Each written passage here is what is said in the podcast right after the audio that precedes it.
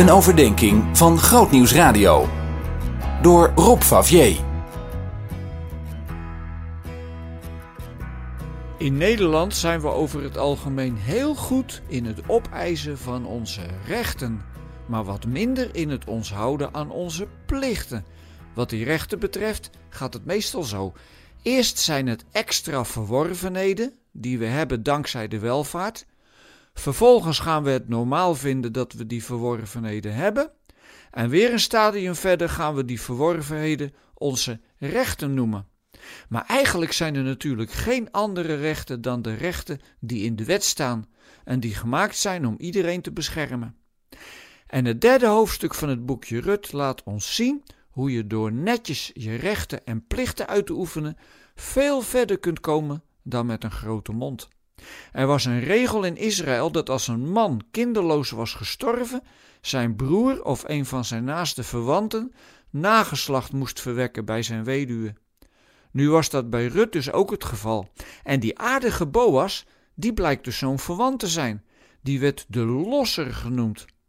Dan smeden de twee vrouwen, Rut en schoonmoeder Naomi, een slim plannetje om Boas zover te krijgen dat hij als losser gaat optreden.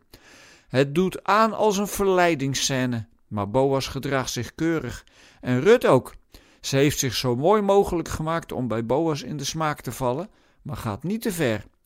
Het is allemaal bedoeld om haar recht te krijgen. En Boas waardeert het dat ze niet achter de jonge mannen aangaat.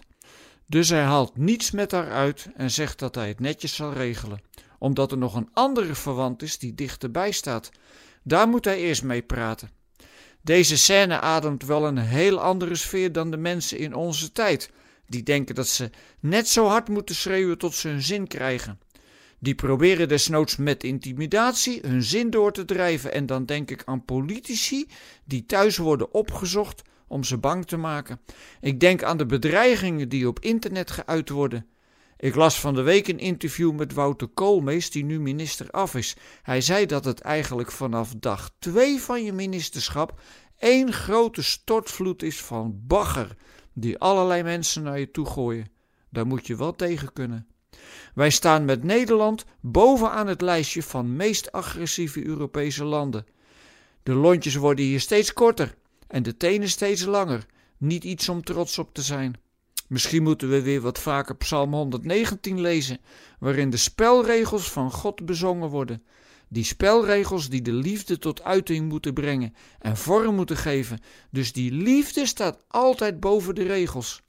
We hebben daar al te veel ellende van meegemaakt met de toeslagenaffaire en het onrecht tegenover de Groningers als de volgorde van liefde en regels wordt omgedraaid. Maar het kan dus ook allebei. Rut en Boas hanteren de regels met liefde. Zien in nog een podcast? Luister naar Zorgen voor je ziel via grootnieuwsradio.nl/podcast.